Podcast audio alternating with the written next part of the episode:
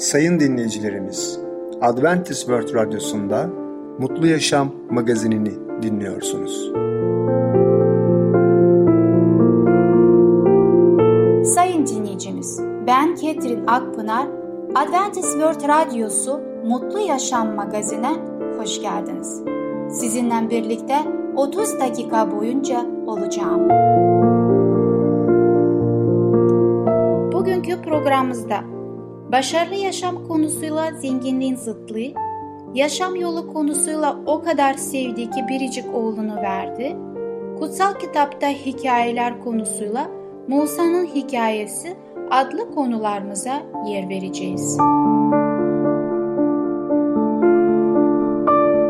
Sayın dinleyicilerimiz, Adventist World Radyosunu dinliyorsunuz. Sizi seven ve düşünen radyo kanalı. Bize ulaşmak isterseniz Umutun Sesi Radyosu et yaha.com Umutun Sesi Radyosu et yaha.com Şimdi programımızda Zenginin Zıtlığı adlı konumuzu dinleyeceksiniz. Herkes zengin olabilir ama herkes zenginliğin zorluklarını yaşamaya hazır mıdır?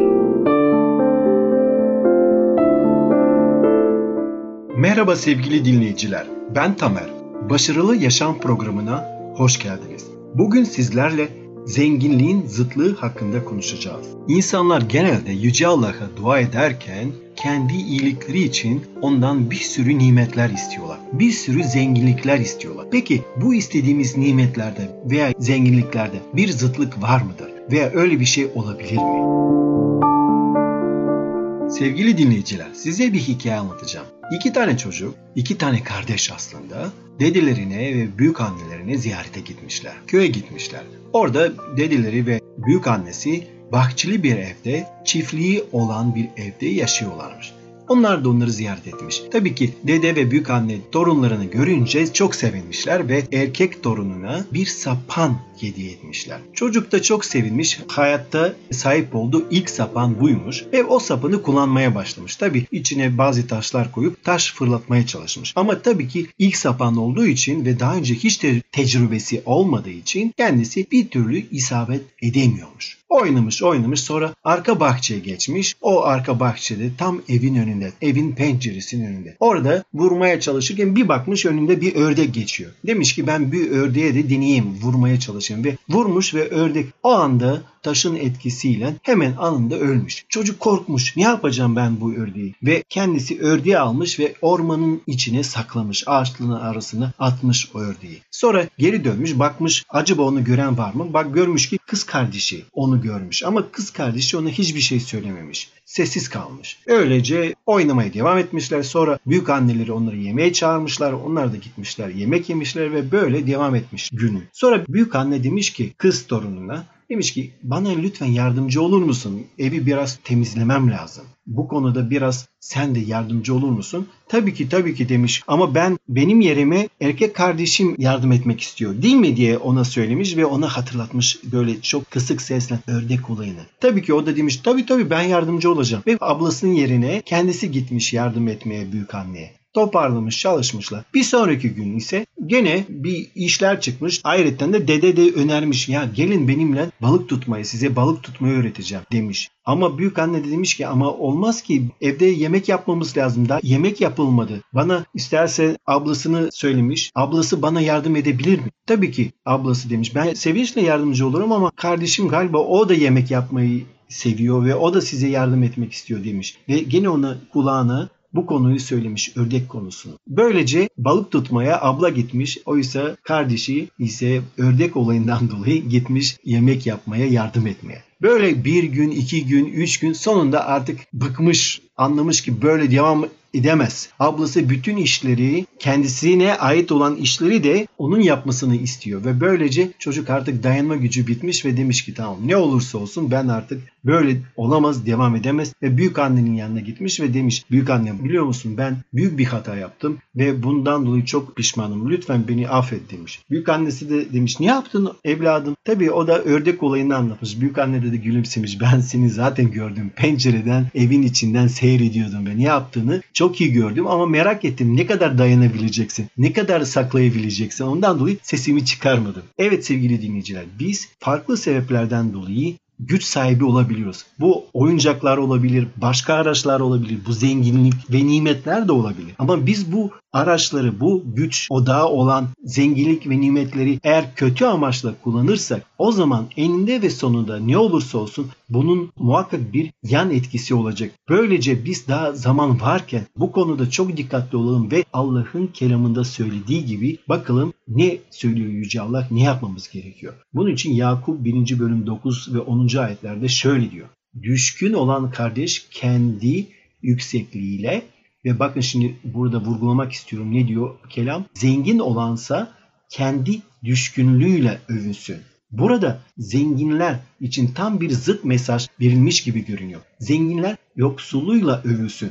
Yakup peygamber yoksul insan için ne demişti? Yoksul insan yüksek konumunu görsün demişti. Zengin insan ise alt konumunu görsün ve ona göre yaşasın. Peki o zaman şu soruyu aklımıza geliyor. Zenginin alt konumu nedir? Neden zenginler için verilen denenmede alçaltmadan ve alçak gönüllülükten bahsediliyor? Zengin olansa kendi düşkünlüğüyle övünsün diyor kelam. Diğer söz ise alçak gönüllüktür. Zengin alçak gönüllü olurken zengin kendini alçaltırsa ne anlamına geliyor? Zenginlere verilen denenmelerde hedef aslında alçaltma ve alçak gönüllü olmak. Demek ki kutsal kitap bize Yakup peygamberin 1. bölüm 9 ve 11. ayetleri okursak bize şunu söylüyor. Düşkün olan kardeş kendi yüksekliğiyle, zengin olansa kendi düşkünlüğüyle övünsün. Çünkü zengin kişi kır çiçeği gibi solup gidecek diyor sevgili dinleyiciler. Ve 11. ayette de güneş yakıcı sıcağıyla doğar ve otu kurutur.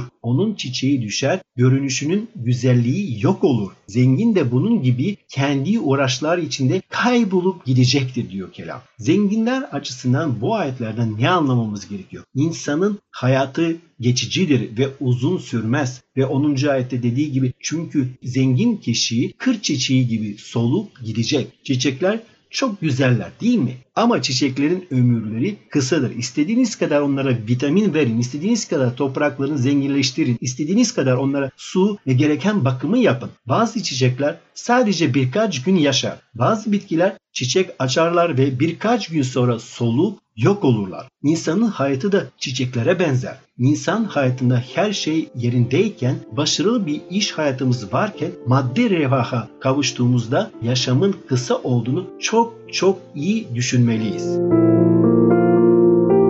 Zenginlik her şey değildir. Mesela zenginliğimizi artırıyoruz, paraya para katıyoruz. Toplumdaki konumuz yükseliyor ve bu durum sonsuza dek devam edeceğini düşünüyoruz. Kendimizi kaybediyoruz demektir. Zengin zaman neredeyse tüm zamanını başarı, refah ve zenginlik için ayırırsa aniden denemeler gelince onlar hemen geriliyorlar ve düşüş yaşıyorlar. İşte biz buna zenginliğin zıtlığı diyoruz.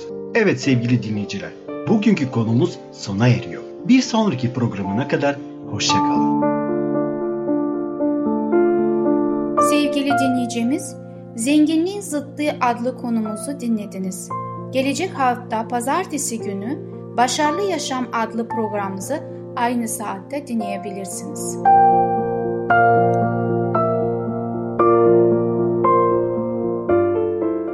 Sayın dinleyicilerimiz, Adventist World Radyosunu dinliyorsunuz. Sizi seven ve düşünen radyo kanalı. Bize ulaşmak isterseniz Umutun Sesi Radyosu et yaha.com Umutun Sesi Radyosu et yaha.com Şimdi programımızda o kadar sevdi ki biricik oğlunu verdi. Allah bizi ne kadar sevdi. Merhaba sevgili dinleyicimiz. Yaşam Yolu programıma hoş geldiniz. Ben Ketrin. Allah'ın insana duyduğu sevgi hakkında konuşmama devam edeceğim ve bugünkü konumda o kadar sevdi ki biricik oğlunu verdi. Ancak bu büyük fedakarlık Allah'ın kalbinde insana karşı bir sevgi üretmek, onu kurtarmaya razı etmek için yapılmadı. Hayır. Çünkü Allah dünyayı o kadar çok sevdi ki biricik oğlunu verdi. Baba bizi seviyor ama günahlarımızı bağışlatan büyük kurban yüzünden değil. Aksine günahlarımızı bağışlatan büyük kurbanı bizi sevdiği için sağladı. Mesih onun düşmüş bir dünya sonsuz sevgisini dökebileceği araçtı. Allah dünyayı Mesih'te kendisiyle barıştırdı. 2. Korintilerde 5. bölümde 19. ayette bu sözleri bulmaktayız. Allah oğluyla birlikte acı çekti. Getsemane'nin ızdırabında kafatasındaki İsa'nın çarmıhı gerildiği yer, ölümde sonsuz sevginin kalbi kurtuluşumuzun bedelini ödemiş oldu. İsa Mesih bu dünyaya benim için ve senin için yani insanlar için gelmiş oldu. Çünkü biz insanlar sadece ölümü layıktık almaya. Fakat Allah insanları o kadar sevdi ki bu dünyaya onlardan birisi gelmesi gerekiyordu. Çünkü Allah'ın verdiği, gösterdiği karakter yasa ancak bunu istemekteydi. İşte İsa Mesih kendi tarafında kendi rızasına bu dünyaya gelerek bizim aramızda yaşamış oldu ve bütün suçu, bütün insanların suçunu kendi üzerine üstlenmiş oldu. İsa dedi ki, canımı tekrar geri almak üzere veririm. Bunun için baba beni sever. Yuhanna kitabında 10. bölümde 17. ayette bu sözleri bulmaktayız. Yani babam sizi o kadar çok sevdi ki beni sizi kurtarmak için hayatımı verdiği için daha da çok sevdi. Sizin vekiliniz ve güvenceniz olmakla, kendi hayatımı feda etmekle, yükümlülüklerinizi ve günahlarınızı üstlenmekle kendimi babama sevdirdim. Zira benim fedakarlığım sayesinde babam hem adil, İsa Mesih'ten başkası kurtuluşumuzu başaramazdı. Zira yalnız babanın bağrında olan onu belirtilebilirdi yalnızca Allah'ın sevgisinin yüksekliğini ve derinliğini bilen kişi onu gösterebilirdi. Mesih'in düşmüş insan adına yaptığı sonsuz fedakarlıktan aşağı hiçbir şey babanın sevgisinin kaybolmuş insanoğluna ifade edemezdi. Allah'ın dünyayı o kadar çok sevdi ki biricik oğlunu verdi. Onu sadece aralarında yaşasın, günahlarını üstlensin kurbanları olsun diye göndermedi. Onu düşmüş ırka verdi. Mesih kendisini insanoğlunun ilgileriyle ve ihtiyaçlarıyla özdeşleştirilmeliydi. Allah'ıyla bir olmuş olan kendini asla koparılmayacak bağlarla insanoğluna bağladı. İsa onlara kardeşlerim demekten utanmıyor. İbranilerde 2. bölümde 11. ayette bu sözleri bulmaktayız.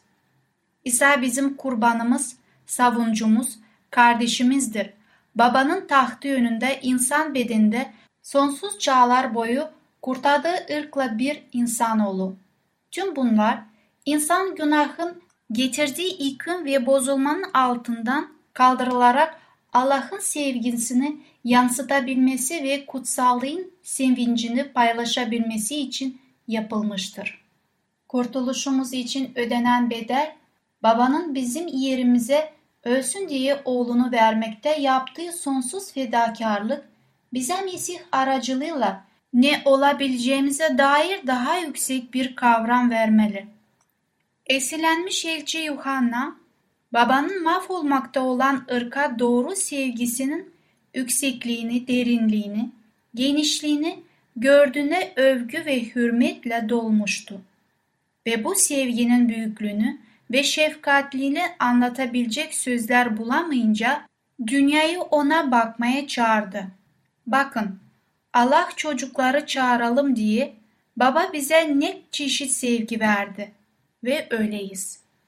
Birinci Yuhanna'da bulmaktayız bu sözleri. Üçüncü bölümde birinci ayette. İnsana niye büyük bir değer veriyor bu? Günah işlemekle insan oğulları şeytanın köleleri oldu. Kefaret sağlayan Mesih kurbanın iman aracılığıyla Adem'in oğulları Allah'ın oğulları olabiliyor. İnsan halini alarak Mesih insanlığı yükseltiyor. Mesih'e olan bağlantılarıyla düşmüş insanlar gerçekten Allah'ın oğulları denmeye hak edecekler yere konuluyorlar. Böyle bir sevgi eşsizdir. Göksel kralın çocukları, kıymetli vaat, en derin düşünmelerin konusu. Allah'ın onu sevmeyen bir dünya olan eşsiz sevgisi. Bu düşüncenin ruhu yatıştıran bir etkisi var ve zihni Allah'ın isteklerine razı ediyor. İlahi karakteri çarmıhın ışığında daha çok inceledikçe tarafsızlık ve adaletle karşılık merhamet, şefkat ve affedicilik görüyoruz. Ve bir annenin kaprisli çocuğuna duyduğu şefkatli anlayışı aşan duyarlı acımanın ve sonsuz olan bir sevgin sayısız kanıtların daha iyi ayırt edebiliriz. Sevgili dinleyicim, gökler Allah'ın görkemini açıklar, gök kübe ellerin eserini duyurur. Dinlediğimiz bu sözlere göre Allah bizi ne kadar seviyor ve bizim için ne büyük fedakarlıkları yapmış oldu kendi tarafından. Bizlere sadece ona itaat etmeye kalıyor. Onunla birlikte olmamız için ona gelip iman etmemiz gerekiyor. Bugünkü programım sona eriyor. Hoşçakalın. Sevgili dinleyicimiz, o kadar sevdi ki biricik oğlunu verdi adlı konumuzu dinlediniz. Gelecek hafta cumartesi günü Yaşam Yolu adlı programımızı aynı saatte dinleyebileceksiniz. Sayın dinleyicilerimiz, Adventist World Radyosunu dinliyorsunuz. Sizi seven ve düşünen radyo kanalı. Bize ulaşmak isterseniz Umutun Sesi Radyosu et yaha.com Umutun Sesi Radyosu et yaha.com Sevgili küçük dostum, Musa'nın Hikayesi adlı konumuzu dinleyeceksin. Mısır'da zor günler neden başladı? Musa halkını kurtarmaya kabul edecek mi? Herkese merhaba, ben Fidan. Cumartesi Çocuklara özel programımıza hoş geldiniz. Bugün sizlerle Musa'nın hikayesini öğreneceğiz. Yıllar sonra Yusuf ve kardeşleri öldüler. Fakat onların çocukları ve torunlarından bir ulus ortaya çıktı. Bu ulusun adı İsrail'di. İsraillerin hepsi Yakup'un soyundan geliyordu. Allah ona İsrail adını vermişti. Çok daha sonraları Yusuf'u ve ailesini tanımayan bir firavun başa geldi. Bu halkla ilgili şöyle dedi. İsraillerin sayısı fazlasıyla çoğaldı. Yakında sayıları bizden fazla olacak ve bize egemen olacaklar. Böylece Firavun İsraillileri köle olmaya zorladı. Şöyle düşünüyordu. Bu şekilde onları denetleyebiliriz. İsrailliler harç ve kerpiç yaparak Firavun için büyük kentler kurdular. Bu da Firavun'a yetmedi.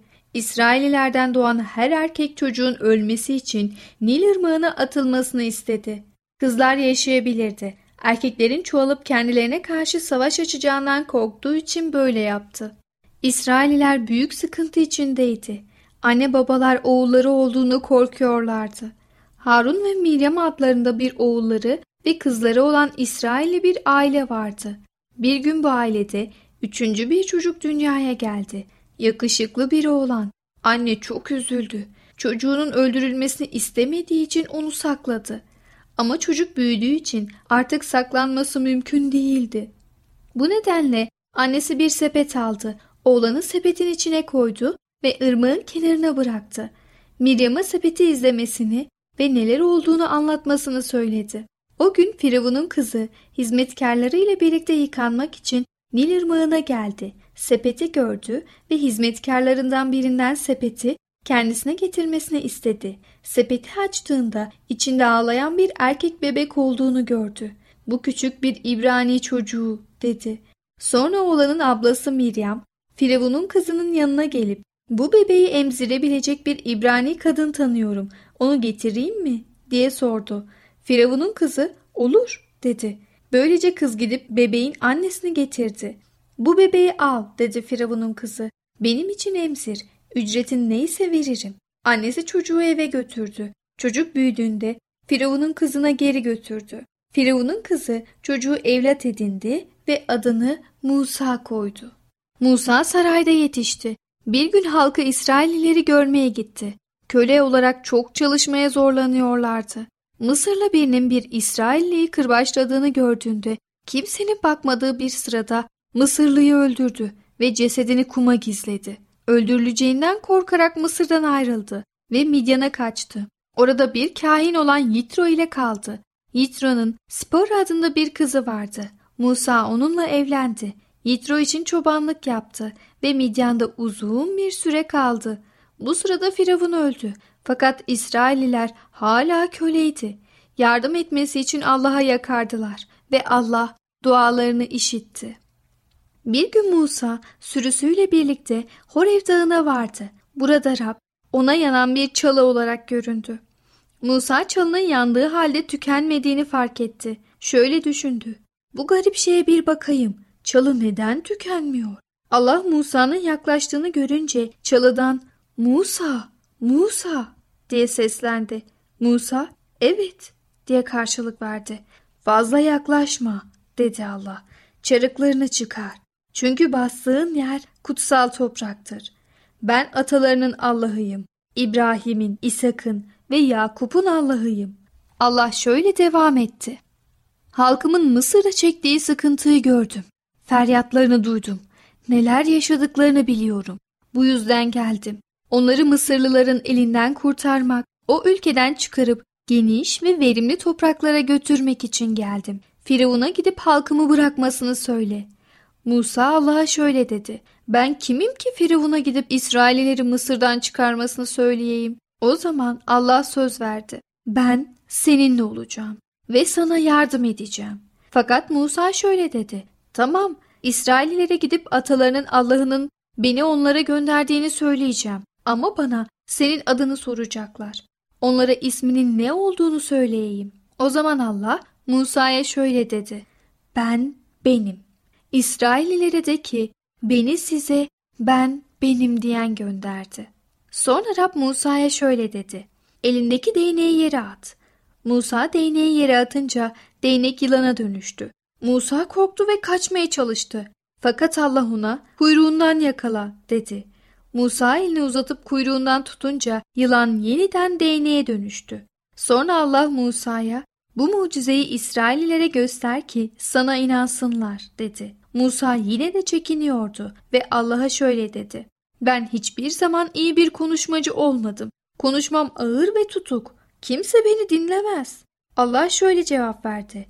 Ağabeyin Harun sana yardımcı olacak. Biliyorum o iyi konuşur. Sizinle olacağım. Ne yapacağınızı ve ne söyleyeceğinizi göstereceğim. Musa Mısır'a geri dönüyor. Musa Allah'ın söylediğini yaptı. Ailesini alıp Mısır'a gitti. Orada ağabeyi Harun'la buluştu. Musa Harun'a Allah'ın kendisinden İsraillileri Mısır'dan çıkarmasını istediğini söyledi. Harun kardeşini dikkatli bir şekilde dinledi ve onu İsrail'in ileri gelenlerine götürdü. Harun herkese Rabbim Musa ile konuştuğunu anlattı. Allah'ın İsraillilere Musa aracılığıyla yardım etmeye hazır olduğunu inandıkları için karşısında eğildiler. Evet çocuklar, bugünkü hikayemiz de burada sona eriyor. Bugün de çok güzel şeyler öğrendik değil mi? Programımızı lütfen kaçırmadan dinlemeye devam edin. Bugün neler öğrendik bakalım? İsrail halkı Mısır'da çok sıkıntı çekti ve bir anne oğlunu kurtardı ve Musa'nın kaçması gerekti. Allah Musa'yı çağırdı ve Musa İsrail halkını kurtarmak için tekrar Mısır'a geri döndü. Bakalım bir sonraki programlarımızda ne olacak? Musa gerçekten İsrail halkını kurtarabilecek mi? Tüm bu sorularımızın cevaplarını diğer programlarımızda dinleyeceğiz. Bir sonraki programlarımızda tekrar görüşene kadar kendinize çok iyi bakın ve çocukça kalın. Sevgili küçük dostum, Musa Hikayesi adlı konumuzu dinledin. Gelecek hafta Cumartesi günü Kutsal Kitaptaki Hikayeler adlı programımızı aynı saatte dinleyebileceksin. Sayın dinleyicilerimiz, Adventist World Radyosunu dinliyorsunuz. Sizi seven ve düşünen radyo kanalı.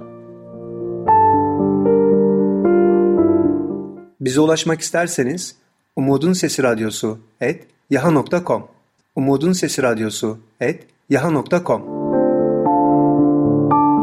Her zaman sevinin, sürekli dua edin, her durumda şükredin. Çünkü Tanrı'nın Mesih İsa'da sizin için istediği budur. Sayın dinleyicimiz, gelecek programımızda yer vereceğimiz konular Yaratılış tamamlanıyor, sağlıklı ilişkiler, ilk kar ve kar topu. Bugünkü programımız sona erdi. Bizi dinlediğiniz için teşekkürler. Bir sonraki programa kadar görüşmek dileğiyle. Hoşçakalın.